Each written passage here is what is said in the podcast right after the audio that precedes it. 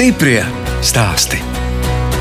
Kādreiz domāju, o, man būs vīns, un, un es sēdēšu ziemā pie, ar konjaku glāzi pie kamīna.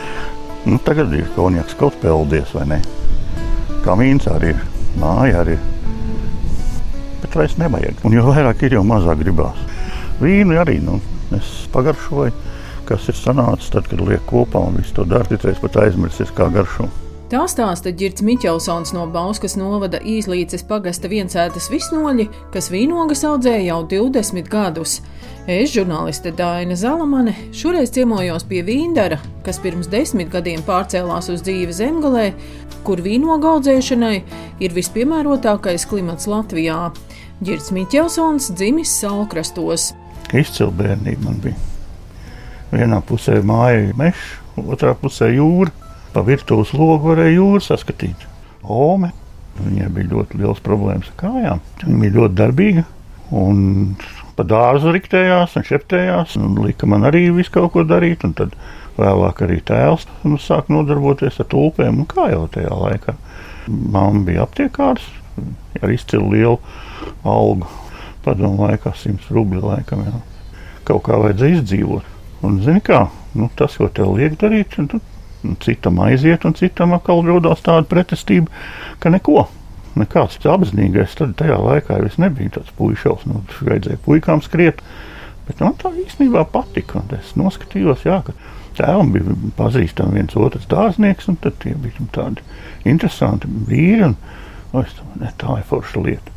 Iestājos būvniecības, un diplomā rakstīts agronoms dārzkopis. Neticamā kārtā man izdevās arī pabeigt to skolu katrā nedēļā rīta līnijā bija jāsauc priekšā. Un, Kādas blēņas te jūs darījāt? Nu, Pusstāvs ar puišiem un trīs ar pusstāva meitenēm. Nu, kur tu pa naktī esi? Nu, Gājāt ciemos. Nu, nu, pēc pirmā kursa man no kopmītnēm palūdza aizvākties.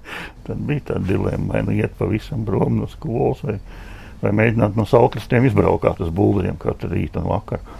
Citreiz vajadzēja celties piecos no rīta, lai paspētu. Es atceros, bija tāda krievlodas skolotāja, tu vienā reizē viņa tā pateica, ar šādu attieksmi tu šo skolu nebeigsi. Tas man bija apmēram, ah, un kopš tā laika es visos priekšmetos sēdēju pirmajā solā. Pabeidzāt tehnikumu, tad jau sākāt kaut ko pats. Rīgas vairumtirdzniecības kantoras bija tāds lielās tirdzniecības bāzes. Un viņiem vajadzēja dārznieku, un man bija siltumnīca, priekš uzņēmuma kopgalda, vajadzēja audzēt tomātus un gurķus. Tur bija tāds iekšējais pagalmiņš ēdnīcē, kur visi gāja vasarā no ārā pie galdiņiem ēst vai ne pusdienas. Un tur bija tāda doma, kaut kāda nesaprotama. Pēc mēs gribam te puķa dobi. Domāju, ko tas uz ātru var uztaisīt. Sarunāja savu priekšnieku. Plasmas spaiņas var dabūt. Būs. Tad jau plasmas spaiņas bija briesmīgs deficīts. Es saku, ar urbu caurumu apakšā, nu, lai liekais ūdens tiek ārā. Un sastādītajos spaiņos rozes. Tas rozes sasalikt tajā dobē, visa nobēra kūdu. Pēc mēneša dziedēja tādas rozes, kā daudziem siltumnīcās nav. Kāpēc to spaini tad vajadzēja? Rudenī, kad sākās saules, mēs tos spaiņus, kamēr vēl neiesals tajā kūdrī, arī ja pišķi sasal, viņi varēja salauzt. Sakrāmējām tajā elektrotraktoriņā un uz siltumnīcas tās spaiņas. Visas ziemā vēl ziedēja rozes. Es tirgojos ar rozēm. Tad, kad es mācījos, Es pelnīju piecreiz vairāk kā mana mamma. Mācījos Jālgavā klātienē. To visu varēja apvienot agronomos. Agronoms. Bet uh, sākās 90. un tad jau es viņu nepabeidzu. Kaut kādā trešā kursā aizgāju projām. Es domāju, nu, kam vajadzēs kaut kādu agronomu kolhozu tūlītās izjūgs, kas tā arī notika. Un ko tad jūs darījāt? Tad apprecējāmies. Pirmā sieva un bērnu alojā audzēja kartupeļus. Nobankrotēja, zaudēja vecāko dēlu, viens dzērājs nobrauca. Tad jau arī izšķīrās līdz to pašu. Un tad sākās tie dulākie gadi. Maisījos visur pa pasauli. No Gunvalda vēsmiņa sadraudzējāmies. Viņš arī nodarbojās vīnogu selekciju. Viņš dzīvoja Liepājas pusē Cīravā. Tad mēs uz Moldovu braucām ekspedīcijās ar viņu kopā. Un, lai visādi mums ir aizgājis. Tad vienā gadā izdomāju, ka negribu māju kurināt un vajag aizbraukt pārziemot kaut kur, kur ir silts. Aizbraucu uz, uz, uz Meksiku un, un Kostariku un plīdu apkārt. Pirms desmit gadiem Girts Miķelsons pārcēlās no Allažu pagasta Siguldas novadā uz Bauskas novada Īslītes pagastu. Galvenais iemesls - zemgales klimats ir ļoti piemērots vīnogu audzēšanai. Mūsu veiksme ir uh, Rīgas jūras līcis, kas atrodas taisni zemgālē ziemeļos. Un tad, kad nāk saules, tad šī tā diena ir apmācies, pūš vējš, un eh, vakarā viss norimstās, noskaidrojās, un saule klāta. Bet tā kā virs līča ir eh, saka, vairāk tie mitruma, viņš uzceļās augšā, izveidojās lokālais mākonis. Viņš tā lēnām, lēnām uzbrauc zemgālē virsū. Tas jau ir tas, ko kādreiz eh, skolotājs Kārkliņš Jānis, kas mums bija Bulgaros augļu kopības pasniedzējs, nu, kas to savā laikā izdarīja, to pētījumu pa visām augļu kopības zonām un kartu uzzīmēja, kur kas aug un kur kas var augt. Un, ja jūs paņemsiet kādu uh, grāmatu par vīnogām, tajā ir rakstīts, Vīnogām vajag tur, tur vieglu, saturīgu, gaisa caurlaidīgu augsni un tā un tā. Un tā. Vīnogām nedara smagas māla augsnes, komats, izņemot māla merģeli. Šīs te zemgālas augsnes, tas ir tas māla merģelis. Padomu laikā to sauc par vēlēnu karbonātu augsni. Smags māls kaut kādā tur kupravā, ja, kur ķieģeļi zāģē. Un smags māls zemgālē, tās ir divas dažādas lietas. Girta Miķelsona viencēta visnoļi atrodas meža ielokā, gar ceļa malu sastādīts egļu dzīvžoks. Un iepriekšējie saimnieki, vārnu pāris, bija ļoti skaisti iekopuši sētu. Un šo to mēs esam varbūt kaut kur kaut nozāģējuši, kaut ko iestādījuši klāt, bet viņi bija sakārtojuši visu ļoti gaumīgi, ļoti skaisti. Nu, jāsaka, tā man liels prieks, kad, kad viņi mums noticēja un, un, un pārdeva šo sētu. Jo viņiem bija vēl pretendenti no austrumu kaimiņiem, kad tajā laikā bija tās uzturēšanās atļaujas, ka varēja par īpašumu nopirkt, un tad varēja dabūt uzturēšanās atļauju. Un, un tie bija piesolījuši līdzi, un, un cik vajag, tik maksājam. Un, un cik neparasti ir tā māja? Tātad māja. Tur ir kopā droši vien kaut kādām sa saimniecības telpām. Vai? Kā viņi teica, sākotnēji tā bija domāta tikai saimniecības ēka māju nepaspēja uzbūvēt. Un māja bijusi iecerēta vēl kaut kur blakā, un tā ir tikai saimniecības ēka. Tā kā tas uh, bijis liela vērienu pasākums, tad arī viņi uztaisīja apdzīvojumu to vienu galu. Man jau uzrunāja tas, ka zem visas tās dzīvojamās daļas, kas ir rietumu austrumu virzienā, apakšā ir pagrabs. Vai cik interesanti tā māja izskatās, paskatās pa milzu jumtu tādu. Jā, uz ziemeļu puses ir milzīgs garš jumts. Un tur ir apakšā visi šķūņi un viss. viss. Tā kā principā es kādreiz saku, ja mēs uh, rudenī mājā ievācamies, uh, šķūnis ir pilns ar malku, līdz pavasarim no mājas var ārā neiet. Jo viss ir. Saistība arī ar zemgali jums ir tādā ziņā, ka vecmāmiņa te ir mācījusies. Jā, viņa mācīsies Kautsmindē. Padomu laikā saucās Saulainas Solhos tehnikums. Tur mācīja agronomus, mehanizators. Tas ir tepat no šejienes taisnā līnijā, kādi kilometri seši. Apmēram.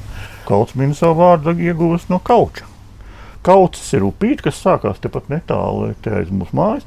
Tur tagad ūdens nāca pa vakaru, pa viņu staigāja tur kārtas. Niedrs tur bija blakus, jā, ne, jā, jā, jā.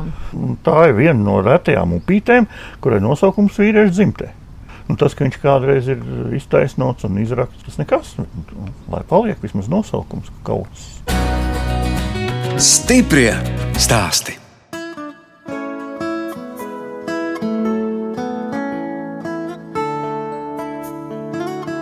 Skan redzējums stipri stāsti. Šoreiz ciemojos pie Girta Meķelsona, vīna darītavas kaucis īpašnieka Bauskas novada īslīces pagastā. Divos hektāros tie aug ap 300 šķirņu vīnogas, kas galvenokārt paredzētas vīna darīšanai. Lielāko daļu vīnogu stādu Girts izaudzējis dzīvodams Allažos, un vienai no tām devis nosaukumu Plānupe. Un tā ir viena vīnoga, ko izaudzēja no sēklas vienīgā, kur spēja plānu ražot. Tā vieta, kur mēs dzīvojam, saucās Plānupe. Vairs nav tāda, kā pievienojas Siguldas novadam. Nu, viņš ir zaudējis savu statusu. Kaut gan kaut kādās 1460. gada kartēs jau tā vieta ir. Nu, vairs nav. Nu, Bet tad, ir vīnoga. Ir vīnoga, jā, un tā es arī viņu saucu par plānu. Vīnu vīnoga. Bet garda. Jā, viņi tik stingri turās pie kātiņa, ka strasts viņu nevar noraut. Un man kādreiz viņa stāv līdz oktobrim. Bet uh, Šogad ir uz lauka sāka bojāt lapsenes. Ļoti labi cukuru uzkrāja. Nu, laba priekšvīna. Šīs stādīja pirmās, man liekas, vienu gadu ātrāk. Māziņas, nu, necilas, bet pagaršo. Ļoti gardas, Nu, jā. saldas. Jā, jā. Kādreiz paņemam līdzi uz, uz, uz tirgiem, kādu kastīti sagriežam. Pirmā brīdī viss, ai, kas tad ir tāda pa skrotīm? Es saku, bet tu pagaršo. Bet nav kauliņš Jā, iekšā. Jā, nav sēkliņa. Jā, tas ir Somerset sīdlis. Ziema ne, nenosalst un ir katru gadu. Izaudzē stumbriņu, palaiž pa augšējo drātu plecus un eh, viņi karājās lejā. Šeit labāk to var redzēt.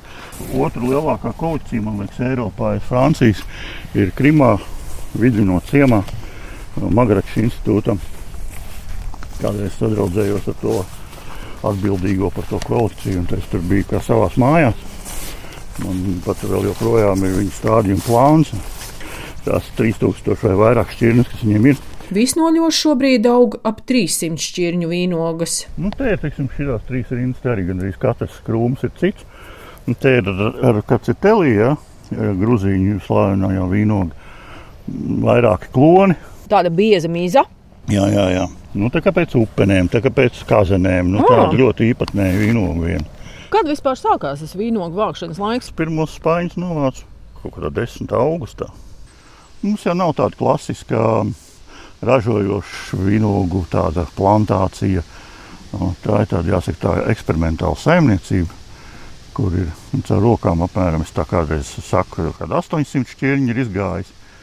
Palikušas, nezinu, varbūt ir 300, varbūt vairāk. Tas taču arī ļoti daudz. Nu jā, tas nav viss vajadzīgs. Būtu vienkāršāk piecas šķirnes. Jā, tikai, ja kāds viņus iedos un pateiks, ot, ņem tās piecas, tās ir tās labās, tās ir jāatrod. Jo vairāk šķirnes, jo katrai savs tas nogatavošanas jā, laiks, Jā, un tā viena savas slimības. Jā, viena slimo vairāk, cita neslimo. Nu, teiksim, visas reku Eiropas vīnogas pino no ārā. Tas ir šogad viņas pārziemoja augšā. Normāli viņas līdz uh, sniegam viss nosalst un slimo. Un visu. nu, šogad tāds gads, nu, tad viņas ir salīdzinoši labā skatā. Bet ar to viņas ir slavenas. Bet jūs jau arī vairāk esat tāds nu, kolekcionārs. Viss, kas atņem la- laiku un uh, nu, kā ir maz jēgas. Bet kas atkal padara dzīvi interesantu. Jā, nu, tā jau ir. Tā ir tāda, katram jau savu trūkumu. Kā pirms nezinu, cik gadiem, kad bija uh, sižets, TV3 uztaisīja. Cilvēks mūžu nogalina, tad viss smējās vēders turēdam. Par jums, Jā, jā? jā, man vēl 50 nebija. Cilvēks mūžu nogalina, sāca saudzēt vīnogas. Nu, žurnālistam varbūt bija knapi 20. Nu, varbūt, jā. Nē, nu, ir jau tā, ka bišķi jau netiek no tās vākšanas vaļā, un, un tu atrod atkal, kad ir jauna šķirne kaut kāda radīta un baigi interesanti un labas atsauksmes. Un, un man arī vajag nu, pamēģināt, varbūt tā ir tā īstā. Un, tā kā es smējos, tāda dārzkopja kopa esam, nu, dūlē, ja kam viss, kas interesē, un tad, tad es tā smējos, saucu visus viņus par zeltračiem, jā. Nē, nu šitas, kas ir, tas ir forši, bet tam tur tāds trūkums, šitāds trūkums. Eju, bet tur, vo, tas, vo, tur, tur, tur aiz tā mēža, tur ir tas īstais labais. Sieva šogad bāra dikti. Es biju aizpagājuši, kad Vācijā pasūtījis vienā firmā jaunāko šķirni, kas tāda nu, populāra un aizgāja un grūti tikt pie tiem stādiem. Un, un tagad pavasarī viņi atsūta ēpastu, nu, tavs pasūtījums ir gatavs. Tie ir 500 eiro. Jo tu nevari nopirkt, teiksim, divas stādiņas, kā man vajadzētu iestādīt divas. Pasties, ā, ir, ir, nav, nav, patīk, nepatīk, vairot, nevairot. Nu, tev Cik jāņem kaste. 100? Kaste 200. Nu, jāpaņem un tā jāpadalās ar pārējiem. Aizliegts. Tu parakstīji līgumu, ka tu neizplatīsi, ka tu nevairosi. Tās ir visas licencētas šķirnes, tu tā nevari neko nevienam padalīties. Jūs pats arī kādu šķi vīnogu šķirni esat izveidojis? Par šķirni viņi kļūst tad, kad tu viņu noreģistrē. Nu, re- reģistrējis neesmu un, un, un diez vai to darīšu. Tāpat plānu, kas man ļoti patīk. Šī ir uh, viena no, es nezinu, varbūt jau ka ir reģistrēta uh, Andrāša Korpāša. Slo- Slovāks selekcionārs izveidoja šķirni par godu slavenajam slovāku hokeistam Hosam. Tas saucās Hosa. Tās ir man uz godu vārdu iedotas. Nu, te viņa aug. Tā nu ir sanācis, kad es esmu sapazinies ar ļoti daudziem pasaules selekcionāriem, bijis pie viņiem ciemos un vīnu pagrabos un viss. Un tā ir tā uzticība radusies un t- t- iedod. Nu, bet uh, ir kaut kāda atšķirība, kur tās vīnogas aug, vai krietni vairāk uz dienvidiem, vai pie mums? Jā, protams, pie mums vienmēr būs augstāka skābe, jo skābe siltumā sadeg. Lai skābe kristos, vajag plus 18 grādus kā minimums. Dienvidos ir plus 35 dienā, plus 25 naktī, un skābe krītās visu laiku. Un viņiem ir galvenais noķert to mirkli. Teiksim, šampaņā grūti jau tagad uztaisīt šampānieti, jo, jo, jo skābe krīt tik ātri un cukurs ceļās tik ātri, ka nu, neiznāk vairs tas dzēriens tāds, kā viņam vajadzētu būt. Tāpēc lielās uh, franču vīndarītavas šampaņas daļa pārceļās uz Britāniju, kur nav tik karsts. Stāda uh, visus tos pašus šardonē un pino Britānijā. Nu, tā ir šampāniet tur. Redz, šitā ir viena ļoti, ļoti agra sarkanā vīnoga. Redz, sarkanā vīnoga, bet zila. Nu, nu sarkanā vīna, jā. Ja. Tāds pagaidu nosaukums viņai fragments. Frankovka krustota regenda. Garda. Jā. Te vien, vienreiz vien paraugu vīnu uztaisīja izcils. Priekš vīna arī vajag, lai tās pašas vīnogas ir tādas nelielāka izmēra. Jo sīkāk oga, jo vērtīgāk. Redz, tas labums tam vīna vīnogai ir nevis tajā sulā, bet tajā miziņā. Un jo tev mazāk oga, jo kilogramā vairāk iznāk virsmas laukums. Maziņas odziņas tas viņas tur iznāks intensīvāks, pilnāks, bagātāks. Lielai ogai tur daudz tās sulas un maz tās, tās miziņas. Un tā miziņa arī to krāsu dod. Miziņa dod krāsu. Ja? Citiem ir tās rīnstārpas, tur tā ļoti skaisti noravētas. Jūs tikai pļaujat. Nē, šogad vienkārši tā sanāca, ka nevarēja apstrādāt zemi, jo pavasarī no sākuma bija slapjš, tad dot ātri nožu. Un pēc tam vienkārši lietas ne, līdz jāņem vispār mums nebija. Te bija viss tā kā tūkstnes izkalts. Līdz ar to nu, ir tā kā ir māls. Īstā brīdī nesastrādās, pēc tam vairs neko neizdarīs. Un cik ilgā laikā te jums ir jānovāc, jāpaspēj līdz salnām? Kā kura vīnoga gatava neno, nenovākšu, es novākšu putnu, nekas jau zemē nepas, nepaliks. Pagaidām strāzdi vēl nav atladojuši. Ziemeļstrāzdi nāks pāri un te būs tīri. Parastie strāzdi mums parasti nav tik postoši, cik uh, meža strāzdi lielie melnie vai lielie pelēki. Viņš jau pat nelido, viņš no meža ielaižās un pēc tam lec uz priekšu kā vista. Kā jūs tos putnus tad atbaidat? Mēģināju ar, ar tādiem uh, trauksmes bļāvējiem un visu kaut ko tādu. Un tā viņi beigās uzsēžās uz tā skaļruņa un, un uzliek virsū savu zīmogu balto un, un dzīvo tālāk un par tevi absolūti neuztraucās. Vīna darītavu kraucis Krīkvainerī Girts Miķelsons izveidoja pirms trīs gadiem, tagad savā saimniecībā rīko arī vīna degustācijas, un tās notiek dārzā, kur uzstādīta liela telts. Nu, kad es dzirdu vārdu, ka viņi taisa vīnu pēc receptes, tad, gribās teikt, nu, tad ej mājās. tad, nu, tas ir pārtiks tehnoloģis, nevis vīndaris. Tās ir divas dažādas lietas. Vīna, kā tad ir jātaisa? Vīna netaisa pēc receptes, vīna taisa ar tehnoloģijām. To ar dažādām tehnoloģijām no viena vīna materiāla var iegūt dažādas vīnas. Vīnoga vai jebkura oga, jeb auglis, viņš katru gadu tāpat šķirna, viņš ir savādāks. Un cik tad mums Latvijā ir tādu vīnu darītāju? Jā, jau skaitās vīndarītos vai nav pie, pie 140. Tik daudz? Jā, jā, jā. Reģistrēts. Bet tā ir viena sāpīga tēma. Jo sākotnēji bija tā likuma iecer tāda, ka vīnu ražos cilvēki no saviem augļiem, ogām. Nu, tiem, kam ir dārsts, nu, paliek pāri, nekondīcija, kaut kas. Nu, tad tu viņu pārstrādā nu, kaut kādā vīnā, kad tev ir turisma objekts, viesu māja un tā. Tad tu no sava dārza nu, taisi vīnu, tev ir papildus pievienotā vērtība. Tā ideja bija ļoti skaista un pareiza. Un, un visiem, kas to izdarīja, tas ir liels, liels, liels pluss. Bet uh, tagad to vienkārši izmanto visādi kaktu dzinēji, ja, kas paši neaudzē neko. Jau viens ir, ka neaudzē neko.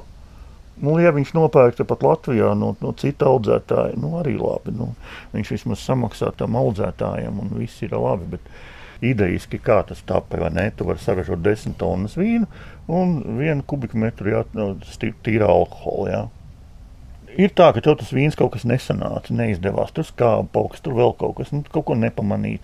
Loģiskais cikls ir, ka viņi pārdzen izdestilē. Ja? Un, un iegūsti labu, kvalitatīvu mantu, un viss ir skaisti. Bet tagad jau ir tā, ka nu, katrs, kam nav slinkums, viņš nopērk tonu cukuru un uztais puskubikmetru spirta. Nu. Pieliek klāt tādu garšiņu, šī tāda garšiņa, un viss notiek. Nu, tā bija tāda pēdīga. Stiprie stāsti.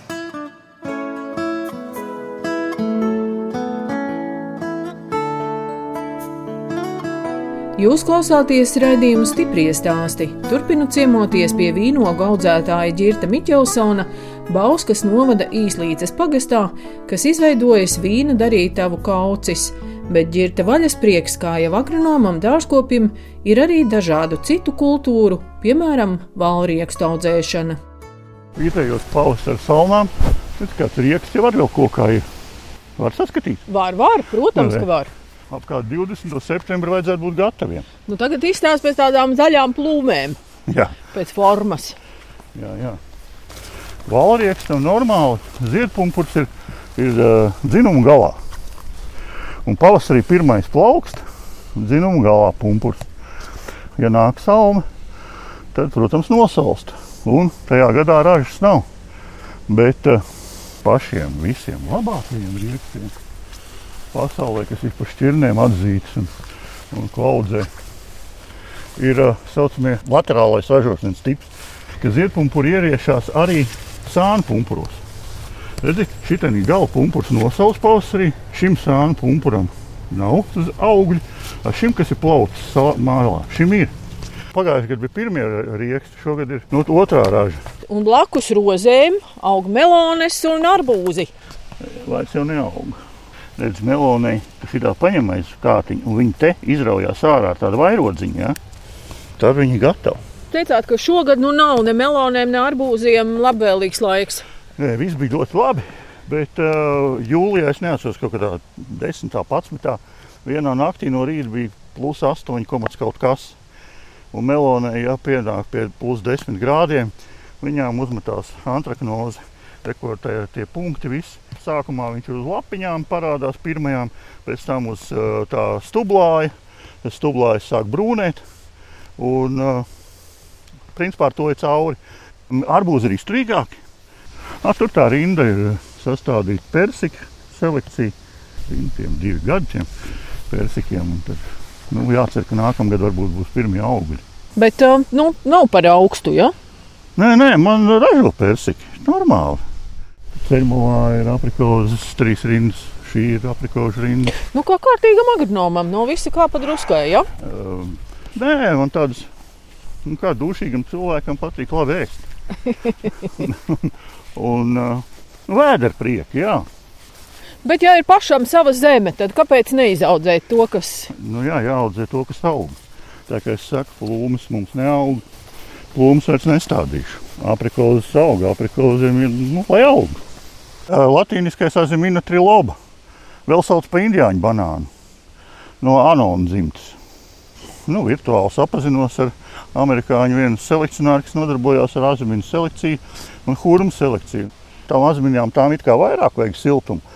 Tas uh, Virģīnijas hurmai it kā uh, tā būtu it kā piemērotāka. Bet uh, tās visas katru gadu gandrīz līdz sniegu nosala. Katru gadu atauga, bet azimins ne, nenosalst. Aug smuki kā koki jau. Pērn ziedēja viens koks. Šogad arī pāris ziediņi bija, bet uh, viņai ir specifiska apateksnēšanās vajadzīga. Dabā viņām ir kaut kāds viena mušiņa Amerikā, kas viņas tur apateksnē. Bet, uh, gan jau varbūt kādreiz izdomāšu. kāds ir tas auglis? Ir? Augurs tāds uh, garens, vidū kāds, un, bet viņš tā uz sāniem tāds garens, tā kā tāds banāns, tāda kā laiva, un vidū viņam sēklas. Mums tas klimats mainīsies. Nē, nē, nu, nē, nu redz, nu aug, nu aug, aug, un, un, un, ziedēt jau sāk, tad jau varbūt kādreiz būs kāds augurs. Ā, nu un šitas ir kas par koku. Nu, atkal būs kāds brīnums. Tas kizils. Baigais kauliņš un skāps. Es arī nezināju, ka kizilu tā no koka nevajag ēst. Principā būtu jādara tā, kad eh, noklāja kaut ko nokrati, gat, nu, savāc un divas donas mājā paturi. Tas kā viss pazūd un viņš paliek salds un garšīgs. Vai cik interesanti. Gurķis aug, Skāps sieņķi īpās. Ļoti labi aug. Un nu, reku vēl Un- karājās. jā. Visi nav apēsti. tas ir viens no veidiem, kā pasargāt gurķus no labradora. Jo Labradors ēda visu. Nu, principā viņš ir baigais gurķu veids. Viņš pat uh, ābolus ēda tad, kad galīgā badā, bet uh, gurķus uh, siltumnīcā, ja tu neaizliec priekšā sietu, tad pie gurķiem tu netiec, jo viņš jau, kad uh, rauj to gurķi, viņš izrauja visu sakna kādreiz. Un, ja tu aizies skaties apakšā zem vīnogām kaut kur izbradāts un tā ķekars pliki, tad tu zini, ka labradors ir atradis un tās ir jā, jāvāc. Jo. Veterinārā saka, ka sunim vīnogas ir indīgas un kaitīgas, un šis dzīvo. Un katra grūdiena pieliek pilnu vēdu regulāri.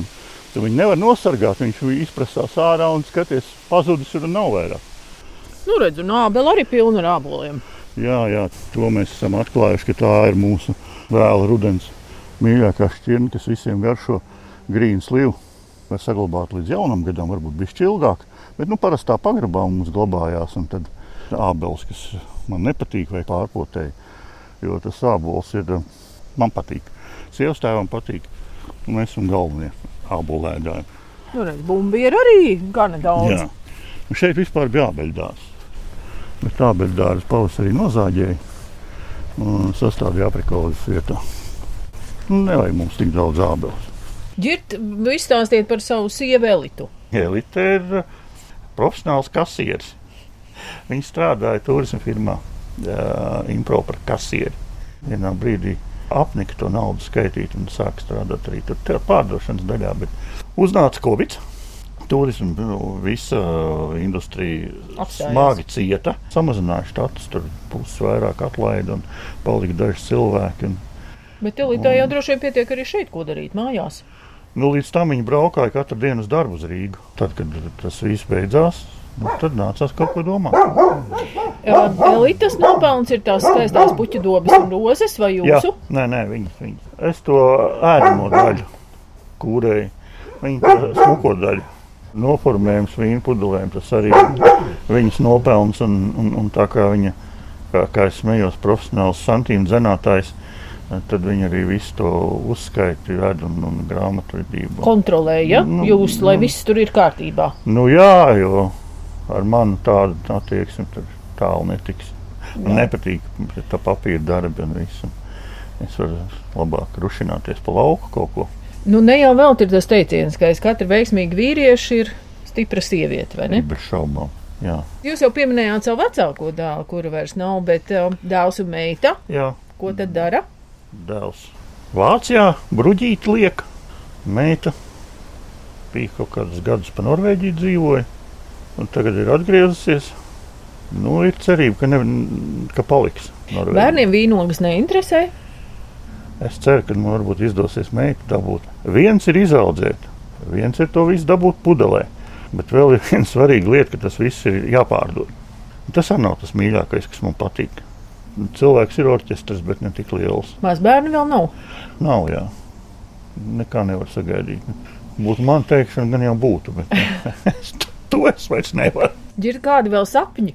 Nu, redz, jūs drusku tā kā tur minējāt, ka tā kā jau kaut kas tur apnīk un vēl kaut kā, tad ir sapņi varbūt par vēl kādu citu kultūru. Pamats ir, iesākts ir, vienkārši jādara. Varbūt kādreiz kaut kas būs pēc pāris gadiem. Es esmu arī mājiņķis, jā. Vajag vēlēties, un tas piepildās. Bet par to nevajag skaļi runāt.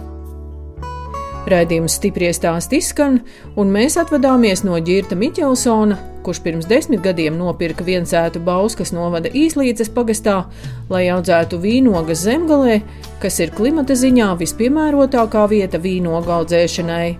Girts arī izveidojis vīna darītavu un savā saimniecībā uzņem turistus. No jums atvadās žurnāliste Dāna Zalamane un operātore Nora Mitspapa, lai tiktos atkal tieši pēc nedēļas.